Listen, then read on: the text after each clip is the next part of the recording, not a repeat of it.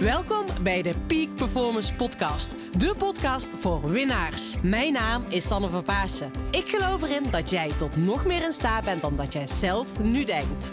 In deze podcast interview ik inspirerende gasten en geef ik tips om structureel topprestaties te leveren. Hiervoor heb je een hoge energie nodig, die je met toewijding doelgericht inzet. Niet als een eendagsvlieg, maar juist keer op keer. En dat vraagt durf en lef. Wil jij met een energieboost en vol inspiratie je dag vervolgen? Blijf dan vooral verder luisteren.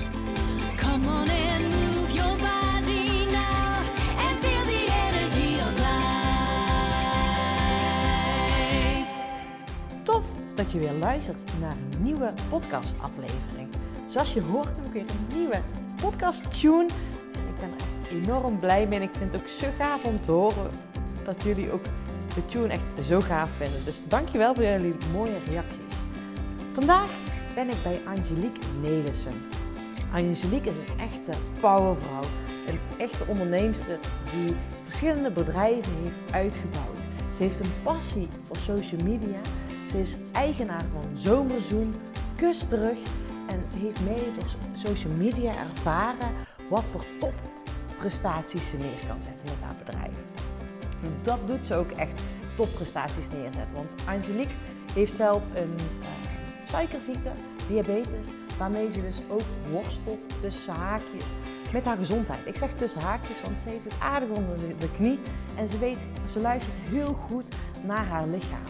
En het mooie is, ze moet wel naar haar lichaam luisteren, want anders kan ze niet doen wat ze nu allemaal doet en is ze daar ook niet zo succesvol in. Voor mij een hele mooie eye-opener ook wel, want naar je lichaam luisteren is voor mij, maar wellicht ook voor jou enorm belangrijk. En misschien kan jij, als jij nog net iets meer naar je lichaam gaat luisteren, nog meer mooiere topprestaties neerzetten. Nou, ga mooi luisteren naar deze podcast. En mocht je, want ik heb echt een enorm mooi e-book gemaakt, zodat jij in 2019 echt jouw doelen gaat realiseren. Mocht je deze nog niet hebben gedownload, check even hier de link in de omschrijving en download het e-book, want dat gaat echt enorm waardevol voor je zijn. Nou, veel luisterplezier.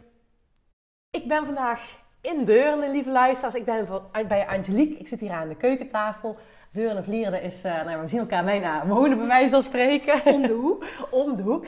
Tof dat ik hier mag zijn, Angelique. Ja, heel graag gedaan. Ja, we hadden net al een heel mooi voorgesprek. Ik zei, we moeten nu de podcast wel aanzetten, want het is veel te mooi wat we nu aan het kletsen zijn. Angelique, eigenlijk de eerste vraag die ik altijd aan mijn, uh, ik wil zeggen aan mijn luisteraars, maar aan mijn gasten stel, is waar krijg jij het meeste energie van? Um, ik krijg eigenlijk van twee dingen heel veel energie. En de eerste is van mijn kinderen. Ik heb een zoon van 9 en een, een meisje van bijna 15. En um, ja, daar krijg ik wel daar krijg ik het allermeeste energie van. Dat zijn gewoon twee hele mooie mensen die ik probeer om zo goed mogelijk te begeleiden tot ze volwassen zijn.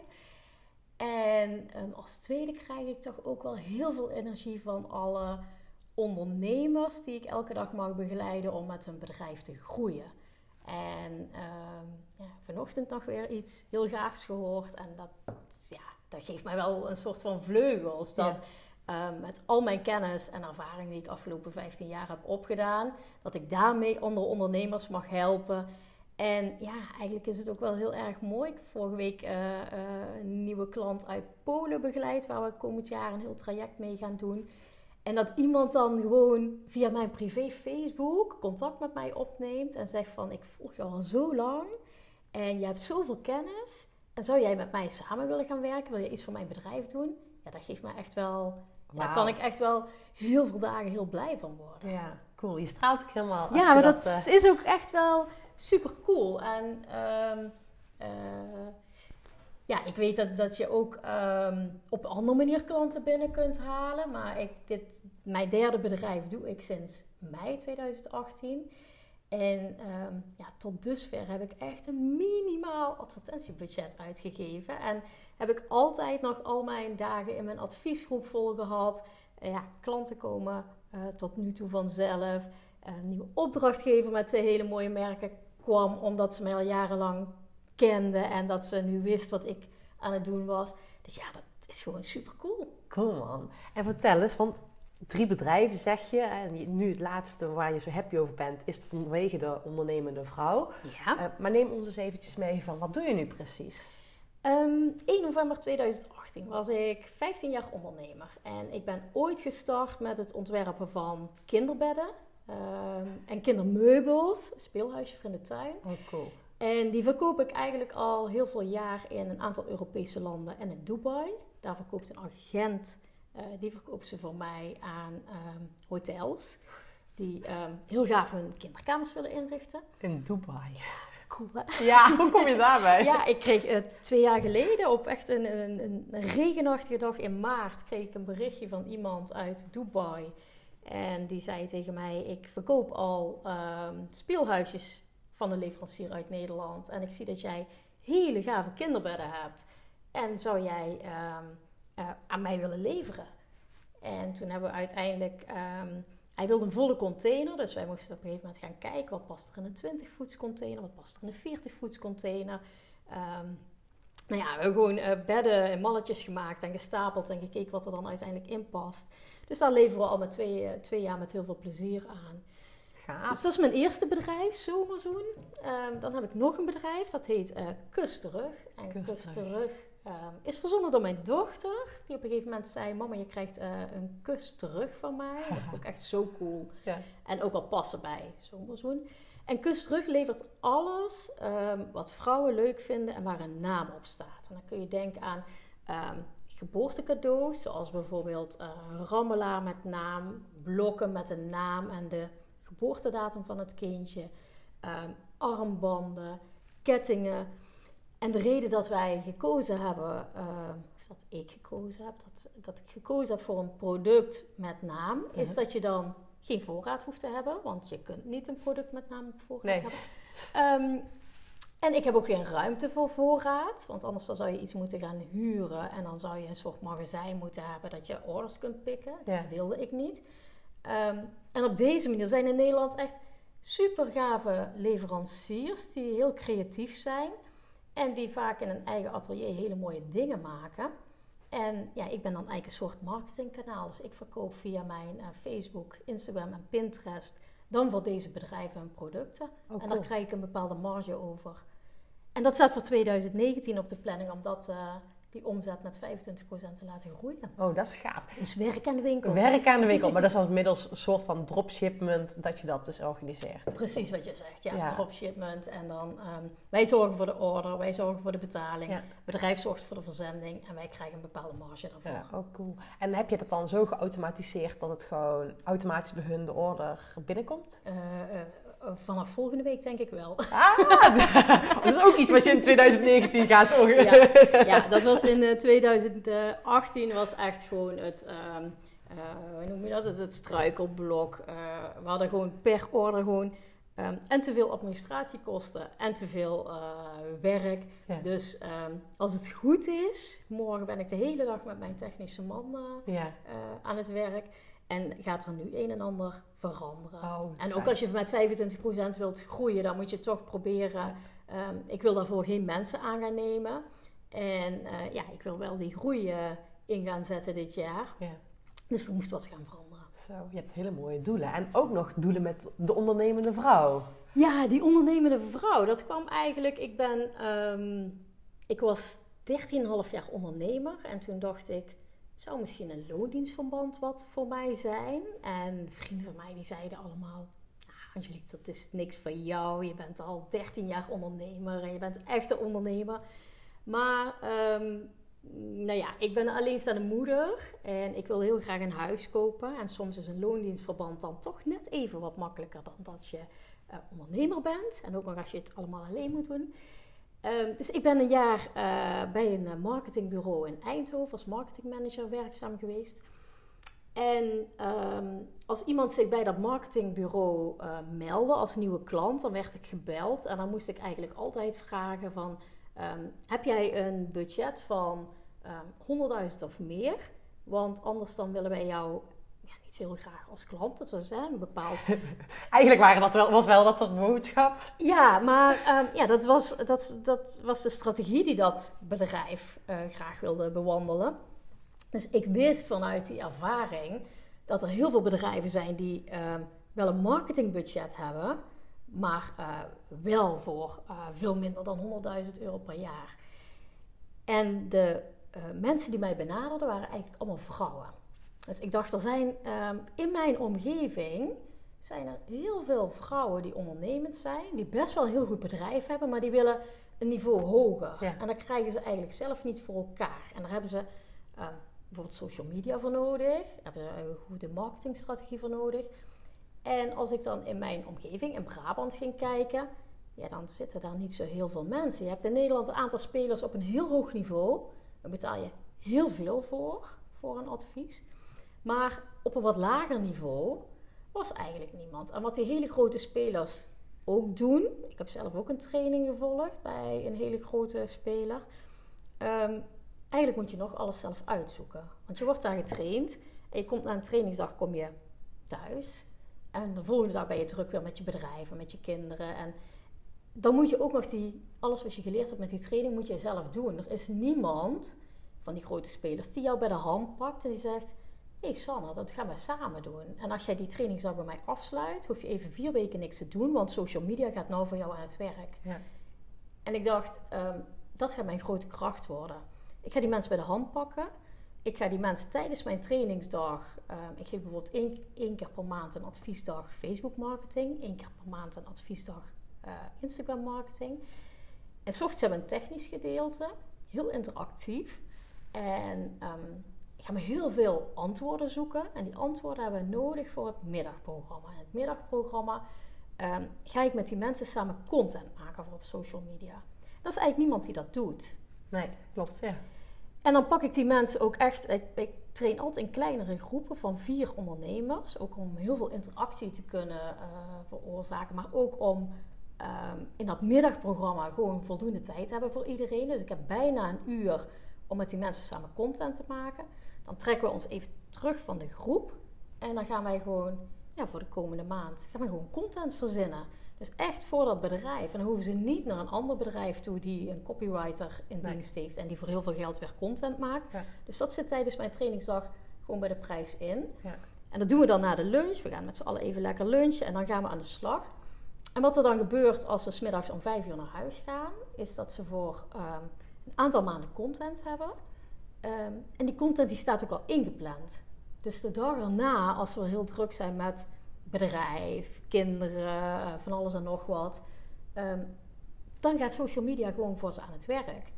En als ze dan na twee, drie weken zien ehm, dat alles wat ze plaatsen ook echt wat oplevert, dan hebben ze ook weer zin om zelf de volgende Ja. maand op te pakken. Ja. Ik heb zelfs iemand gehad die om vijf uur bij mij op kantoor in Gemert wegreed.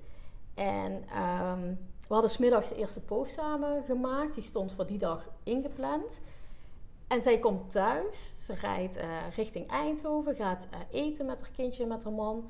En s'avonds appt ze mij en zegt ze... Angelique, help. Mijn mailbox is ontploft. En ze had op die post van die middag... had ze al bijna duizend reacties. Ze had s'avonds 18 bestellingen.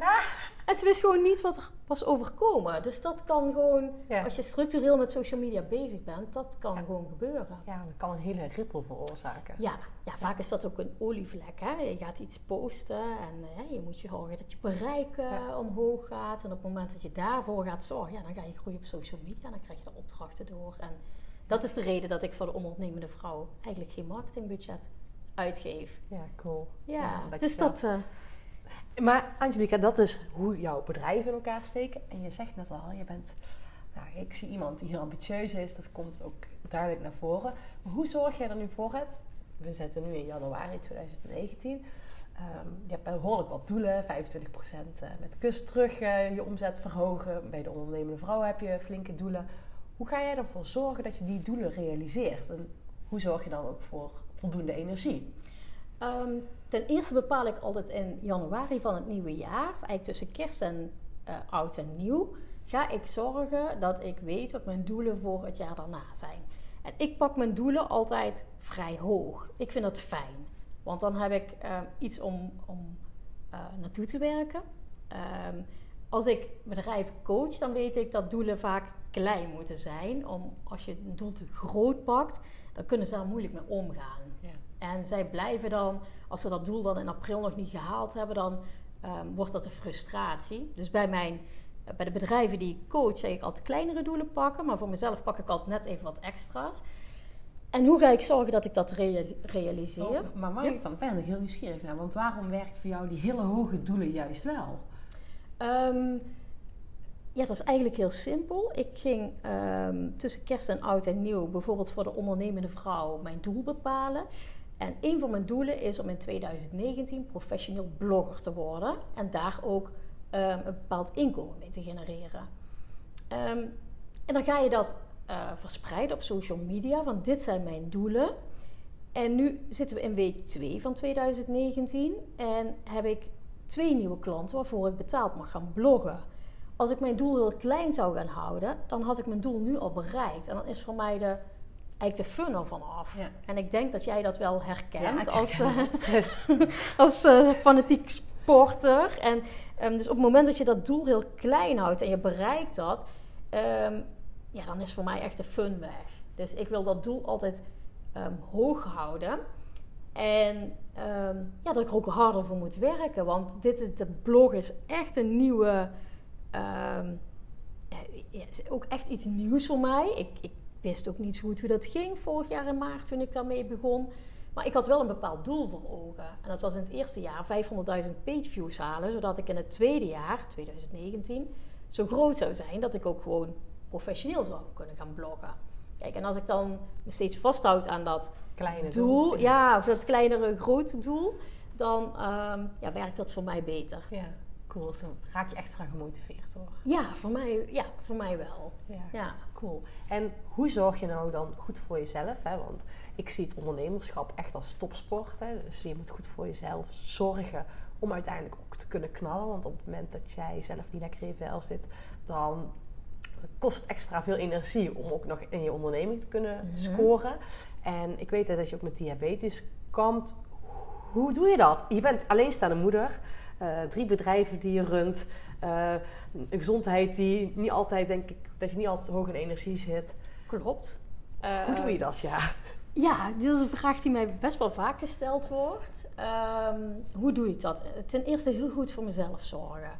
En ehm, op een dag dat ik het echt heel erg druk heb gehad. ehm, nou, sowieso begint het eigenlijk al bij de nacht. Want als diabetes ehm, slaap ik best wel eh, slecht. Ik, ik wil niet met insuline gaan spuiten. Dat heb ik namelijk ooit gedaan. Dus ik eet koolhydraatarm. Maar het is... ehm, eh, hoe ik slaap hangt af van mijn eh, bloedsuiker. Dus op het moment dat ik bijvoorbeeld een keer mezelf een frietje gun... en dan deel ik nog een frietje samen met mijn zoon van negen... ne- Van eh, maar dan zit zelfs mijn, is, is, is zeg maar mijn suikerwaarde te hoog. Dan slaap ik s'nachts slechter. Dus ik weet dat ik bijvoorbeeld een frietje moet eten op een dag dat ik de volgende dag niet hoef te trainen. ja. En ehm, dus zo houd ik eigenlijk altijd wel rekening met eh, mijn diabetes. En daarnaast heb ik ook nog een hartprobleem. Dus die twee dingen die ehm, eh, ja, zorgen er wel voor dat ik ehm, eh, voor mezelf heel goed moet zorgen, een bepaalde rust moet hebben. Eh, stel dat ik s'nachts slecht geslapen heb, dan besluit ik bijvoorbeeld om die dag niet naar mijn kantoor in Gemer te gaan, maar die dag thuis te werken. En ehm, mijn zoon is om half drie, eh, moet ik die op gaan halen uit school. Net voordat ik hem op ga halen, ga ik bijvoorbeeld een half uurtje even een powernap doen. Of ga ik even rustig op de bank liggen of op bed. Luister ik bijvoorbeeld even via podcast. Vind ik altijd super cool. Leuk om te horen. Maar dan pak ik wel even dat moment van. ehm, je kunt dan twee dingen doen. Of je gaat werken, werken, werken totdat het half drie is. En dan haal ik mijn zoon op. Vervolgens werk ik weer aan de keukentafel verder. Maar dan heb ik eigenlijk mijn rust niet gepakt. Nee. En ik zorg ervoor dat ik om twee uur gewoon even een half uur afschakel. En dan haal ik mijn zoon op. En dan, eh, daarna kan ik ook weer knallen. Voor twee uurtjes nog. Ehm, en wat ik ook altijd doe, ik, ehm, eh, ik ben niet iemand die avonden met vriendinnen aan de telefoon hangt of die eh, heel druk sociaal leven heeft s'avonds. Dat is ook heel bewust. Ik heb s'avonds ook gewoon echt wel mijn rust nodig. En ik pak heel vaak quality time. En als mijn kinderen ehm, er zijn, dan pak ik die quality time met mijn kinderen. Dus echt eh, eh, bijvoorbeeld met mijn zoon in bad. Oh ja. Dat is nog even, want hij zegt steeds: Mama, als ik zo meteen tien ben volgende maand, dan ga ik dit niet meer doen. dus ik moet nog even één maand lang heel vaak met hem in bad. Maar dat zijn we voor mij. En dan ga ik in bad ook, dan is de telefoon weg. Dan gaan wij, eh, hij doet dan eh, de badkamer donker maken, kaarsjes aan. Dan zetten we eh, een beetje lounge muziekje op. En dan gaan, we, gaan Relax. we gezellig relaxen. Of met mijn dochter s'avonds een, een nieuwe Netflix-serie Ja. kijken. Dus, en mijn telefoon die gaat s'avonds, gaat die ook gewoon echt weg. Ja, fijn. En ehm, dus die leg ik dan ook heel bewust boven eh, op mijn slaapkamer neer.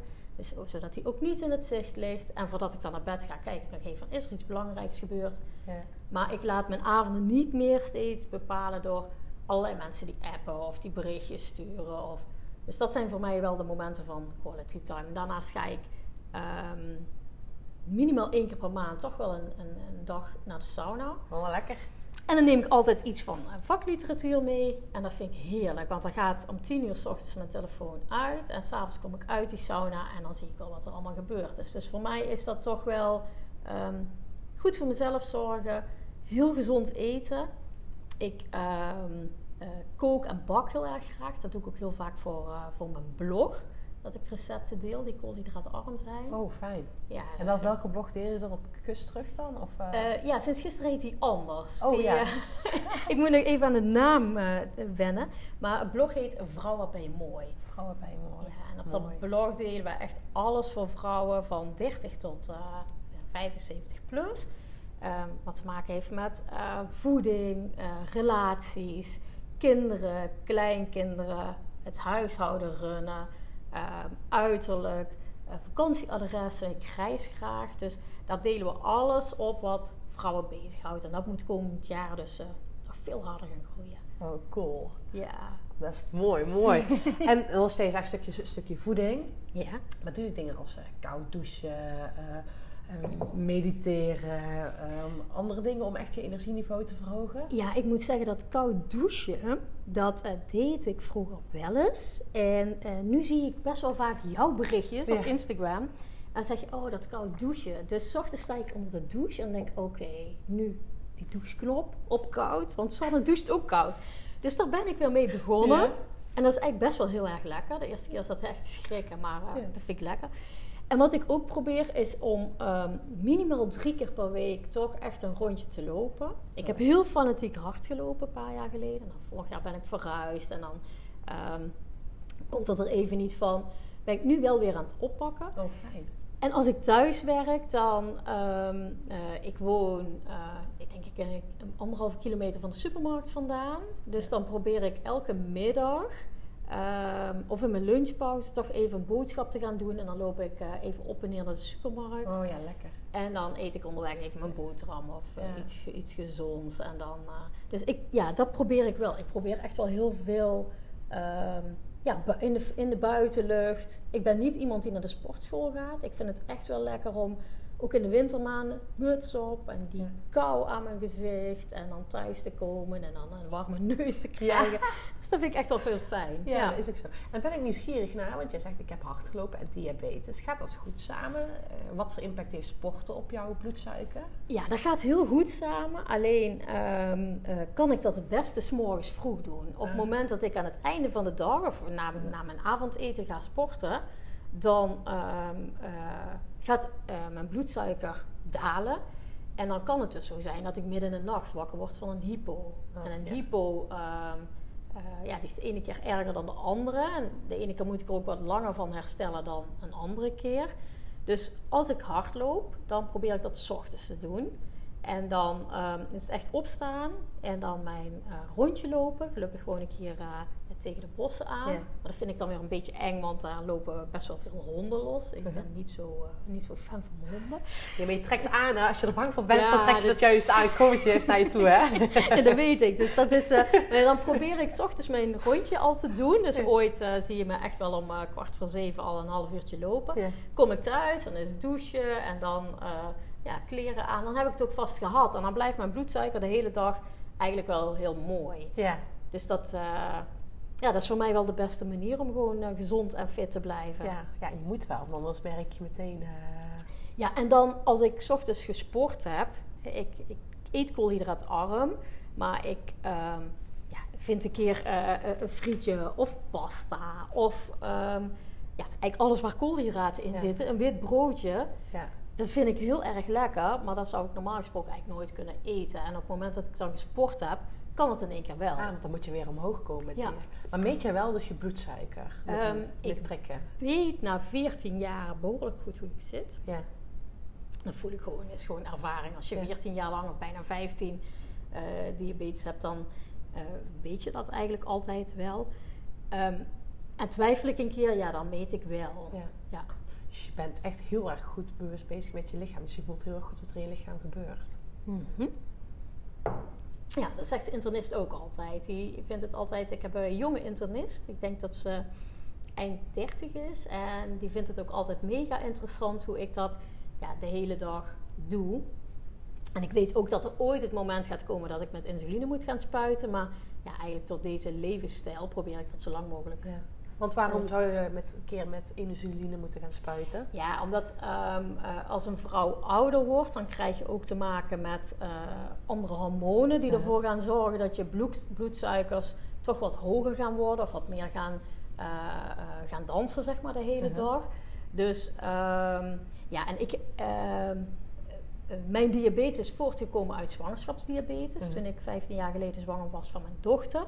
En die vorm van diabetes is eigenlijk best weinig bekend. Hè? Want de meeste mensen hebben, kennen of diabetes type 1 of diabetes type 2. Maar voortkomend uit de zwangerschapsdiabetes is niet zo heel veel bekend. Want dat overkomt ook niet zo heel veel vrouwen.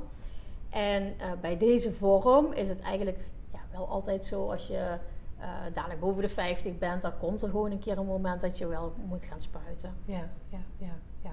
Oh, dat is wel Dus- boven de 50. Boven de 50, ja. Dus, eh, Duurt nog 10 jaar, toch Angelique? Nou, bijna. Bijna. Bijna 10 jaar. Ja. En Angelique, ik ben heel erg nieuwsgierig, hè? want jij bent, eh, althans, hè, jij bent niet met social media opgegroeid. Eh, aangezien Nee, ja, dat het nee. nog 10 jaar duurt voordat je je 50 Ja. wordt. Maar in ieder geval, ik ben, hoe komt het dat jij zo gefascineerd bent geraakt door social media? 15 jaar geleden zette ik Zomerzoen op. En ik denk dat het ehm 11 jaar geleden is dat ik ehm, een advertentie plaatste voor een social media manager. Ik was in die tijd volledig online. En ehm, ik had ergens gelezen en gezien dat social media ja, langzaam maar zeker eh, zijn intrede ging doen. En toen eh, plaatste ik een advertentie en toen reageerde iemand, die inmiddels al echt 11 jaar ook voor mij werkt. ehm, een man hier uit de buurt, of ja, toen nog een jongen. en die reageerde en die zei: ehm, Ik wil jouw social media wel gaan doen. En dat is hij op gaan pakken. En dat had hij drie maanden gedaan. En in die drie maanden dacht ik van... Ja, het gaat me allemaal zo langzaam. Het gaat me... ehm, het gaat me gewoon niet snel genoeg. Ik ben wel een ondernemer die... ehm, ook afgelopen 15 jaar... Gewoon als ik een doel heb... Dan moet dat doel bereikt worden. En... ehm, ja, dan toch eigenlijk ook wel snel. Dus dat ging me eigenlijk te langzaam. Maar wat ik wel zag, is dat hij ehm, heel goed was in technische dingen die te maken hebben met websites. Waar ik zelf niet goed in ben geen techneut.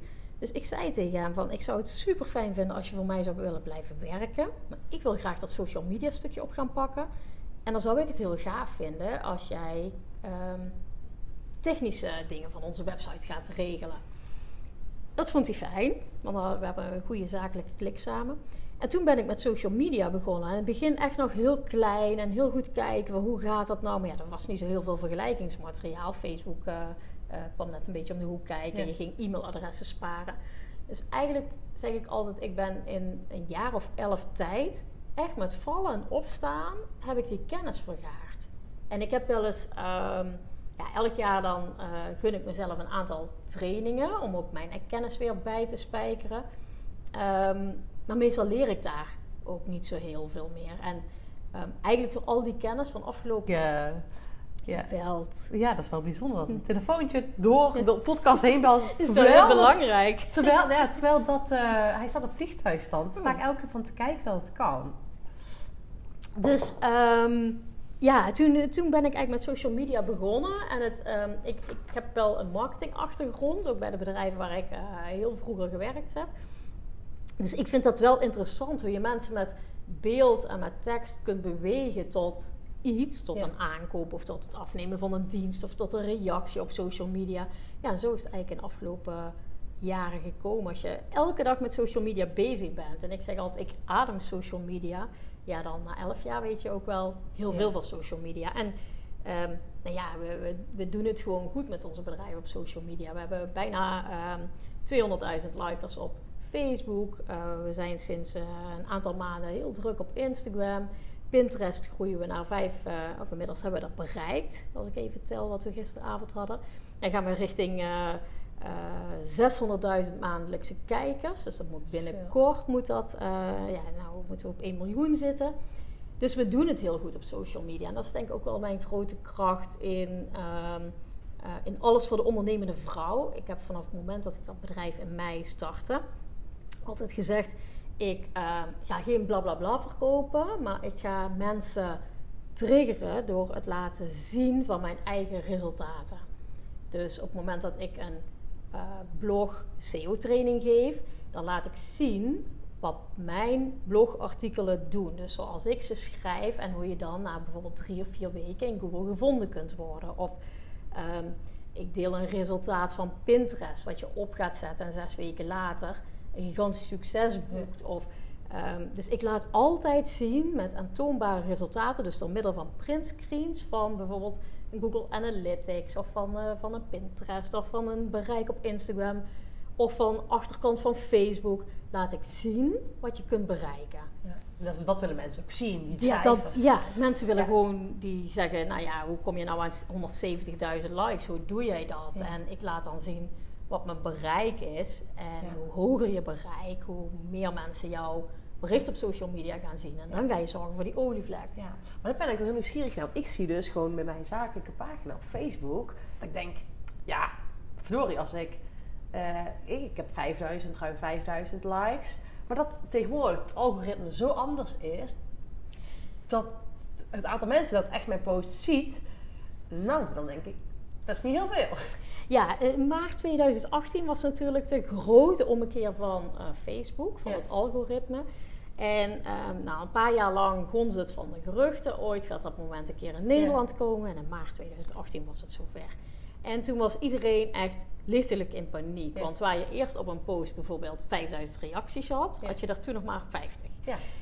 En op het moment dat jij heel goed weet wat dat algoritme inhoudt, dus dat jij weet wie is mijn doelgroep, wanneer is mijn doelgroep online en wat wil Facebook nou laten zien aan die doelgroep. Als je dat weet, kun je een hele goede contentkalender maken. Ja. En ik zeg altijd, die contentkalender, plan die gewoon één keer per maand in. Ja. Dan heb je elke dag een post. En dan heb je elke dag, eh ben je zichtbaar. En mensen kunnen elke dag reageren op jou en Ja. zien jouw naam elke dag. Dus op het moment dat je dat doet, volgens eh, nou, dat algoritme van Facebook, dan ehm, ja, blijf jij gewoon goed eh, onder de aandacht van mensen. Ja. Om jou een idee te geven, we hebben bij ehm, aan mijn bedrijf Kust Terug ruim 90.000 likes. En we hebben regelmatig een bereik tussen de 800 en 1 miljoen mensen. Oh, ja. En dat is omdat wij, je moet, eh, ik zie, ik zeg het altijd tijdens mijn training zeggen, het is een soort van spelen met die mensen. Je Ja. moet eh, reacties eh, uitlokken, je moet ehm, eh, betrouwbaar zijn, je moet eh, open vragen stellen. Ja. Wat ik heel vaak zie, ik geef één keer per twee weken geef ik in mijn besloten Facebookgroep, die heet Durf te vragen aan een ondernemende vrouw. En één keer per twee weken geef ik gratis advies. En dan mogen mensen een Facebook, Instagram of Pinterest pagina achterlaten. Oh, ja. Volgens een linkje. Ja. En dan ga ik ehm, op een moment live, op een, eh, in een oneven week op een dinsdag of woensdag, ga ik live, dat kondig ik van tevoren aan. En ga ik al die mensen die hun linkje hebben achtergelaten, die krijgen mij één gratis tip. Ah, Er zijn mensen ja. die doen gewoon elke twee weken mee en die zeggen, ja, ik, ga, ik groei echt gigantisch met jouw tips. Dat Ja. vind ik gewoon super cool. Oh, cool. Leuk. Dus Dat als je, die, eh, ja, dus als je, die, eh, als je daar jouw eh, linkje achterlaat. Ja. En in die groep deel ik ook echt, ja, ik denk bijna dagelijks deel ik een tip. Van als Ja. je nou vandaag dit doet, of Ja. je, vandaag kun je dat doen. Of eh, Ja. heb je wel eens aan dit gedacht. En ehm, ja, ik, ik krijg daar, daar krijg ik eigenlijk ehm, mijn adviesdagen altijd mee vol. Want ik geef mensen een aantal keer een gratis tip. Ja. En op een gegeven moment gaan ze dan, hè, ze willen groeien. En ja, dan denken ze van, je hebt mij toch wel heel goed geholpen. Waar we het vanmorgen of we net ook over hadden. Van op het moment dat jij een heel fijn gevoel hebt bij iemand. Dan ga jij daar ook een keer omzet achterlaten. Ja. En ze denken dan van, oh ja, ja, want die weet er gewoon wel heel veel van. Dus zo heb ik eigenlijk altijd, als ik ehm, live ben gegaan in mijn besloten Facebookgroep, heb ik daarna bijna altijd de adviesdag, eh, Facebook en Instagram marketing vol zitten. Ja, wat mooi is dat. Ik zie dat, echt ken dat hetzelfde. Weet je, dat mensen. ehm, en natuurlijk, hè, mensen moeten op een gegeven moment eerst een probleem hebben. Vooral mij vaak natuurlijk met coaching. Want ze moeten ergens tegenaan lopen. Dat ze merken van, oh, hier kom ik alleen niet uit. Of ik kan extra begeleiding noemen om die boost te krijgen. Maar dat zie ik ook op het moment dat mensen vaker met je contact zijn geweest. En op een gegeven moment, ja, dan denken ze, oh ja, ik wil met jou samenwerken. Dus je moet echt die verbindingen aangaan. En dat is wel gaaf dat je dat doet in die Facebookgroep. Dat je die connectie aangaat. Ja, want de- ik denk wel dat het zo is. Ehm, ik, ik geloof er niet in dat mensen, dat je bijvoorbeeld een nieuwsbrief stuurt voor de eerste keer. Hè, zien mensen een nieuwsbrief van jou en die gaan meteen eh, een opdracht bij jou achterlaten. Ik denk dat mensen toch, nou 8, 9, 10, misschien wel vaker, toch jou gezien moeten hebben. Weet je wat, weten wat jouw eh, expertise is om uiteindelijk een opdracht bij jou te gunnen. En het is vaak toch ja, een gunfactor. Hè? Ze moeten jou Ehm, ze moeten weten wat je kennis is. Ehm, en ze moeten eh, ja, ook de opdracht aan jou gunnen. Ja. En daar, ja, dat is natuurlijk bij jou ook zo. Ja, ja de mensen moeten de mensen vertrouwen en eh, ja, willen dat jij ja, met hen wilt samenwerken. Dat is uiteindelijk. eh want ben je ook bewust mee bezig om een merk te bouwen? Want ik ben hier bij jou in huis en ik zeg zo. jij zei net ook, bij Vete Wonen is pas op bezoek geweest bij jou. Kan ik me heel goed voorstellen.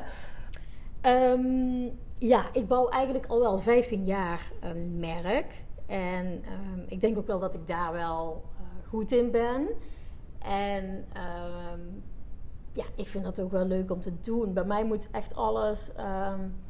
En dan moet ik denken aan, aan, een medewerkster voor mij. Zij heeft een eh, tijd bij mij gewerkt in mijn bedrijf. En ehm, ze is nu zelfstandig ondernemer geworden. Heeft een hele gave kinderkledingwinkel. En die sprak ik laatst. Ze zei: Angelique, ik heb me weer verbaasd over hoe jij de ondernemende vrouw ehm, neerzet. Want alles klopt. Jouw foto's kloppen, jouw beelden kloppen, de tekst op jouw website kloppen. Ehm, ja, als ik een starter begeleid, wat ik merk bij starters, die willen altijd heel snel. En die willen dan online. En eigenlijk zijn ze maar voor 85% klaar. En dan zeg ik altijd, dat gaan we dus niet doen. We gaan zorgen dat we 110% alles op orde hebben. Want je kunt maar ehm, één keer een goede indruk maken. En als jij 85% alles op orde hebt en je denkt, ah, die andere 15% ga ik later wel doen. Dat ga je of niet doen, want dan heb je te druk met je bedrijf. Ja. En dan eigenlijk is het nog helemaal niet klaar. Dat moet je helemaal niet willen. En bij mij is dat wel zo. Dus als ik iets doe, dan ja, moet het ook wel gewoon goed zijn. Ja, ik vind dat wel mooi wat je zegt. Want jij zegt, ik wil graag het eerst. En dan denk ik vooral waarschijnlijk op het gebied van branding. En dat het gewoon je huisstijl, dat het mooi klaar is. Dat het eerst 110% klaar moet zijn voordat je gas gaat geven. Mhm. Terwijl ik zelf, ik ben echt heel erg van, oké, start before you're ready. Ga het gewoon maar doen. En dan loopt het. Kijk, dus ik ben echt helemaal, hè, weet je, misschien ook wel dat ik sommige dingen afgeremd eh, mag worden. Ehm, maar wat ik vooraf ook al zei, bij mij zit ehm, styling. Ik zou willen dat dat van nature in mij zit. Ehm, maar op een of andere manier merk ik gewoon, ook met kleding, ik sta heel re- regelmatig op het podium. Mhm. En dan zie je er altijd super mooi uit. Ja. Ik zag je pas geleden Ja. nog hier in Deurne Ja, staan. en daar zie ik ook heel mooi uit. Ehm doe ik ook echt mijn best voor. Maar dat kost me gewoon heel veel energie. Dus dat is iets van, weet je wel, dan ben ik ermee bezig en ehm, dan heb ik ook, ja, ik schakel daar ook hulp voor in, omdat ik weet van ik wil er goed uitzien, dus ik wil er staan. Maar ik weet gewoon, het winkelen aan zich ehm, ja, kost, kost heel veel energie. Dus ja, dat is wel wat ik dus doe op dat gebied. Maar ik merk wel dat ja, je bent gewoon een visiteplaatje. En dat is super belangrijk. Dat je natuurlijk dat. eh, ik vind het wel heel gaaf om bij jou zit dat van nature erin.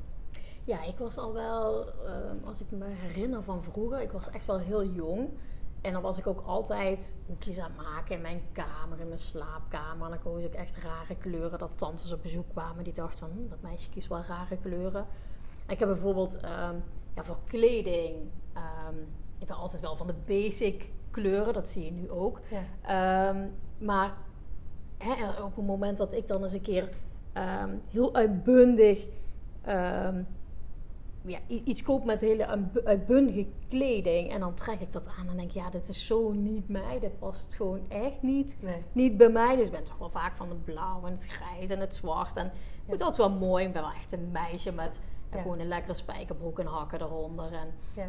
ja, en dat stylen. Ik word echt wel. We hadden het net even over eh, hè, hoe, heb jij, hoe doe je me-time als je het heel druk hebt. Ehm, ik kan echt enorm gelukkig worden van ehm, eh, twee kandelaars die ik koop bij Action en een spuitbus daarbij. En die ga ik daar helemaal pimpen en helemaal zorgen dat dat eh, totaal anders wordt. En dat iedereen zegt van, kom die van Action, dat lijkt echt super duur. Ja, dat vind ik gewoon heel gaaf. Ja. En dat zijn dan weer eh, do-it-yourself tips. En dan schrijf ik weer een blog over, zodat andere mensen dat ook weer gaan doen. En dan, Ja, ja, ja, ja, ja. dat, en ja, dat, dat is wel, ik zie dat ook in mijn dochter terug. En die vindt dat ja, ook echt super geweldig om Ja. bijvoorbeeld naar de kringloop te gaan en dan daar een oude lijst te kopen. Die gaat ze dan ehm, helemaal pimpen en dan wordt dat super cool voor Ja. op de kamer. Dus ja. ik denk ook wel dat het een beetje in ons zit. Ja, nou, dat heb ik ook. Want ik ben echt heel creatief. Dus dat vind ik wel grappig. Ik ben heel creatief. Ehm, ook als je bij mij in huis bent, dan zeggen vriendinnen ook wel eens... Man, je hebt gewoon eigenlijk bijna niks nieuws in huis. Mhm. Want ik vind het gewoon echt heel erg tof gewoon om een ja, oude kast op te knappen. eh, zelf een magazine rack te maken. Dat vind ik gewoon, weet je, omdat ben je ook gewoon lekker bezig. Weet je, dat vind ik heel erg leuk. Maar dat dan, bij mij is vooral mijn kleding, dat is dan nee. dat ik, eh, nou dat, dat, die kleuren en ik merk gewoon in je gezicht. En dat vind ik bij jou ook heel mooi om te zien. We zitten nu bij jou in huis, dus die kleuren gewoon heel mooi. Dat ook daar gewoon over nagedacht is. Ja, ik hou. Ehm, en misschien is dat ook wel waarom ik eh, eh, geen rode broek met een eh, knalgeel topje aan zou trekken. Ik, ehm, ik vind het heel fijn om na een drukke werkdag ergens binnen te komen en dat dat dan rust uitstraalt. Ja. Dus dat is hier bij mij beneden, maar ook in mijn slaapkamer. Ja. En dat moet ja, ik, eigenlijk een soort van ja, shabby chic. Ja, gewoon een, een, een cool sfeertje Ja. zijn. En ik denk als ik dan een interieur zou hebben met een blauwe muur en een gele muur en een rode muur, volgens mij word ik daar helemaal gek Ja. van. Dat, dat kan mijn hoofd denk ik niet Ja. handelen. Dus ik wil s'avonds, ik wil gewoon basic. Ik wil gewoon rust. Ik wil gewoon... Ja, mooi. Dus je hebt ook gewoon echt gewoon je omgeving zo gecreëerd waar je echt tot rust kan komen. Ja, ja, ja, ja, zeker. En dat is super belangrijk. En dat, natuurlijk dat je op die manier je batterij op kan laden. En waar ik ook nog nieuwsgierig naar ben, is: heb jij tegenslagen meegemaakt of periodes je denkt, was er me echt niet tegen? En, of het zat me niet mee? Hoe hou je, houd jij je dan jezelf dan op de benen? Wat is dan jouw kracht? Ehm, ja, dat is eigenlijk wel bijzonder dat je dat vraagt. Ik had eigenlijk afgelopen negen weken ehm, heel veel tegenslagen. En ik denk, eh, ehm, ja, waren, eh, in twee weken tijd waren eh, vijf mensen in mijn omgeving echt heel erg ziek. Eh, waaronder mijn beide ouders die verschrikkelijk nieuws eh, te horen kregen.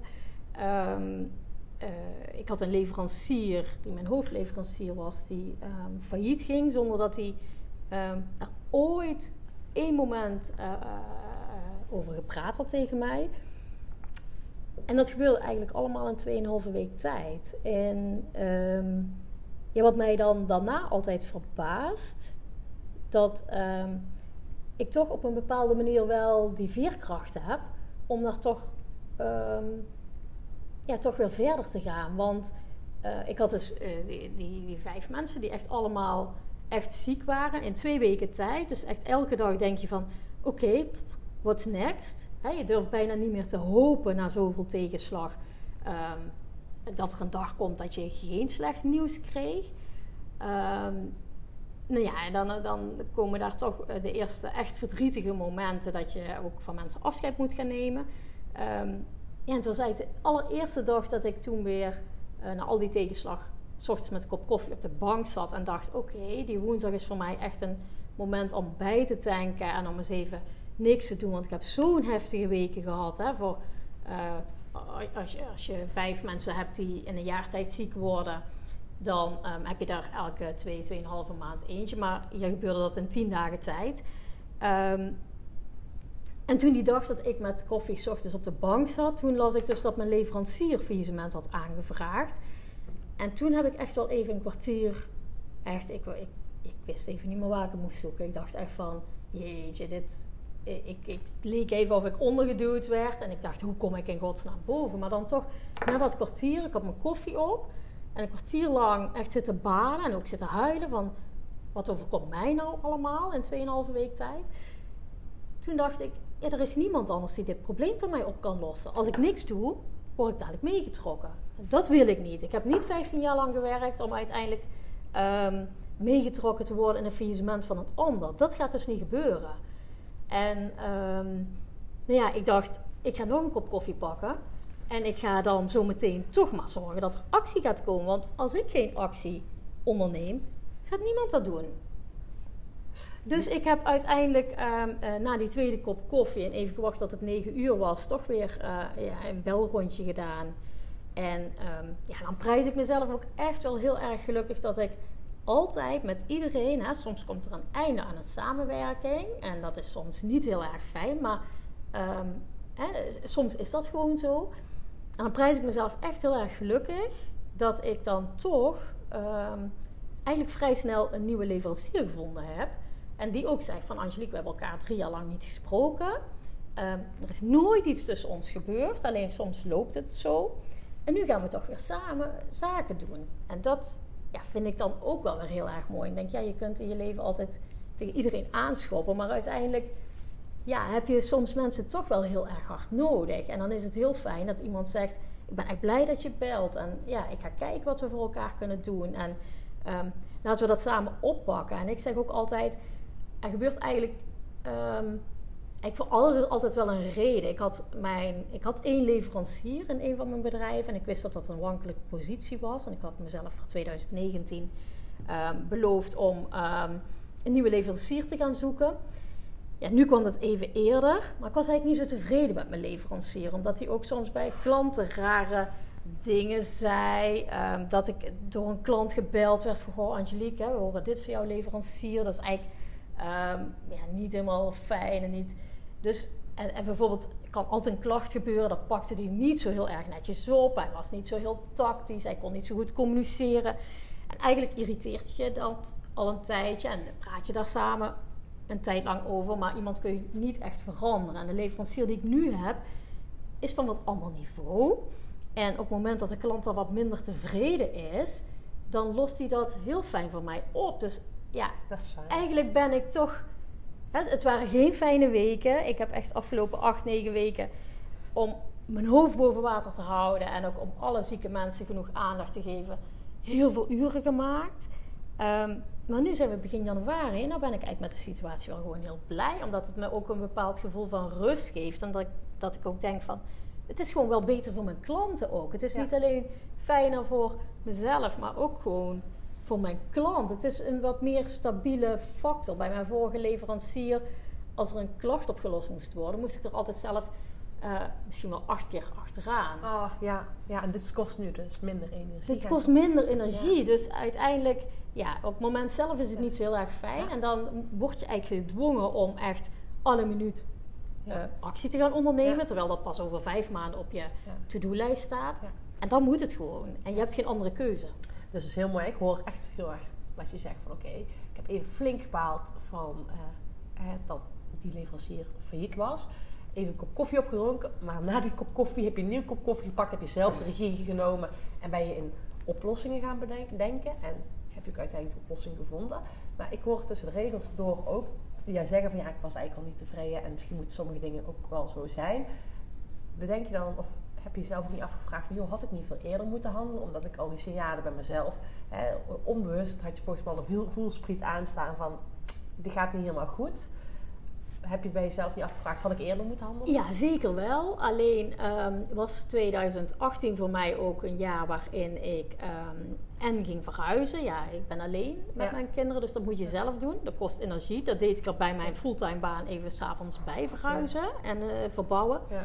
Ehm, ik heb drie bedrijven. Ja, ik heb twee kinderen die ik alleen opvoed.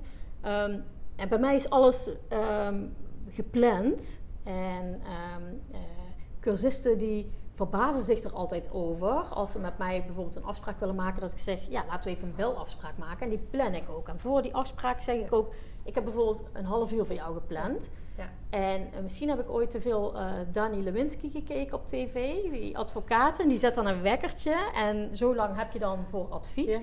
Dus dat doe ik ook. En ehm, ja, ik vind altijd wel als je, hè, want wat je zegt, dat klopt helemaal. Ergens in mijn achterhoofd zat steeds het moment dat ik dacht van, er moet wat gaan gebeuren.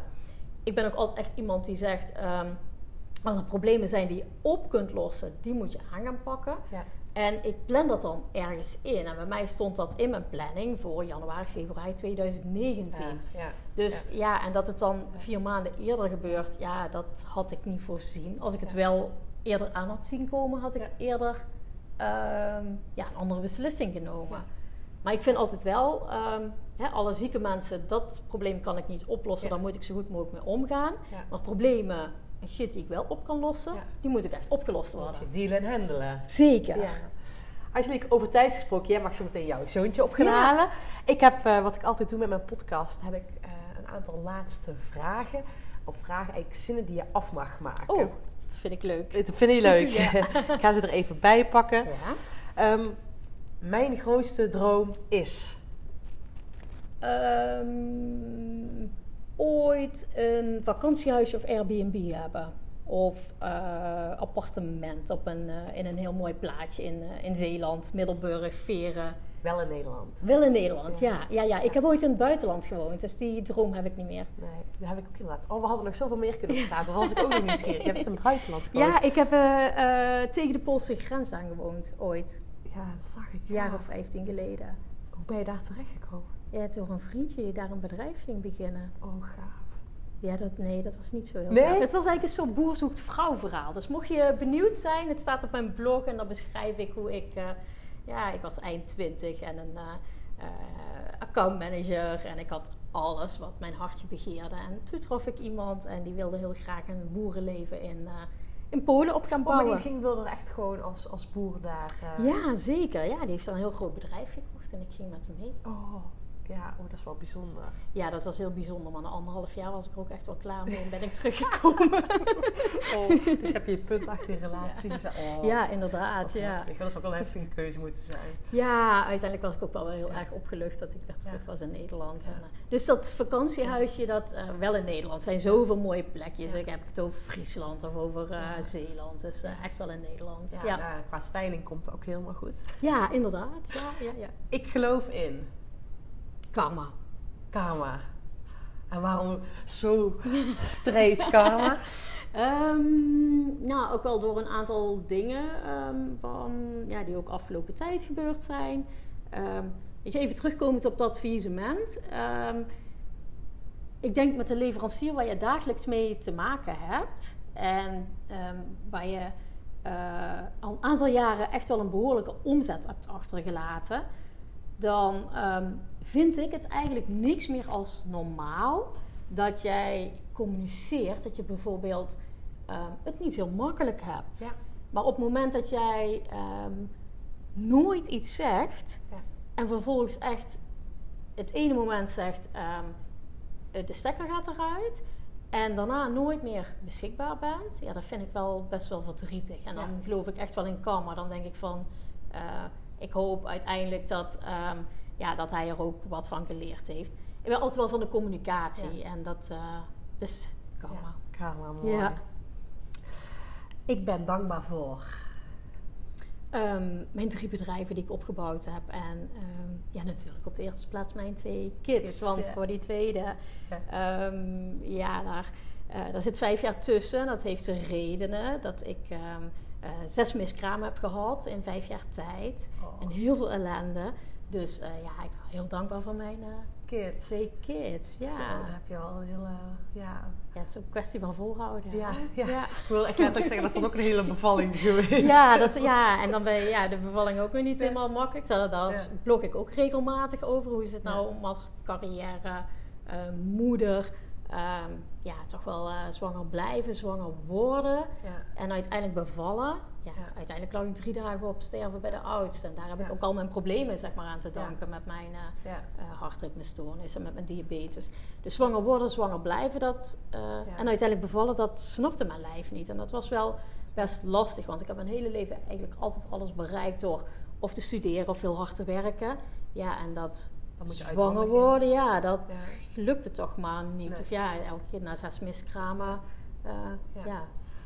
Maar heb je dan ook het gevoel dat je het moeite, moeilijk vindt om ooit sommige dingen los te laten die je zelf niet in de hand hebt?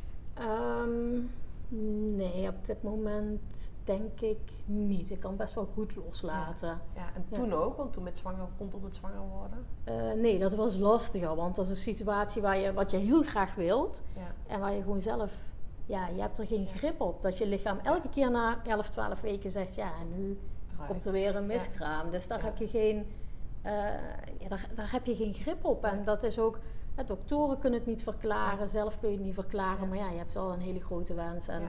ja, ja uiteindelijk is dat gewoon, na vijf jaar werd gewoon echt mijn cadeautje Ja, geboren. geboren. Dus, eh, Mooi. Nou, dan mag je zo meteen jouw cadeautje gewoon nog op gaan Gaan halen op van gaan school. halen. Van school. Ja, dat is altijd heel grappig, want die kom ik dan ophalen en wij spelen altijd verstoppertje. Dus voor iedereen die mij wel eens ooit aan school ziet staan, die denkt, huh, wat zit die moeder toch onder het dashboard? Ja. Dan, en hij speelt altijd verstoppertje en dan vindt hij dat heel cool om aan te komen sluipen. En hij zei gisteren nog tegen mij, mama, dan ga ik niet heel eh, meteen achter je auto lopen, want dan weet ik dat het overal piept. Maar dan ga ik heel ver zo sluipen. En dan wil hij me altijd laten schrikken. En dan ligt hij echt helemaal in het deuk. En ik zit altijd onder het dashboardkastje. Dat Zo dat helemaal gebogen. En dan ziet hij mij niet zitten. Dus eh, voor alle mensen die zich ooit afvragen... wat doet die moeder toch Ja, graag aan dat school? ben jij. Dat ben ik. Nou, mooi. Dankjewel Angelique voor het mooie gesprek. Volgens mij kunnen we nog uren doorkletsen. Gaan we ook vast vaker doen. Mara, eh, dankjewel. Ja, jij bedankt Sanne. Eh, leuk om jou gesproken te hebben. Eens en dankjewel voor deze eh, kans. Ik vind het echt super cool. Ik ook, dankjewel. Come on and move your body now.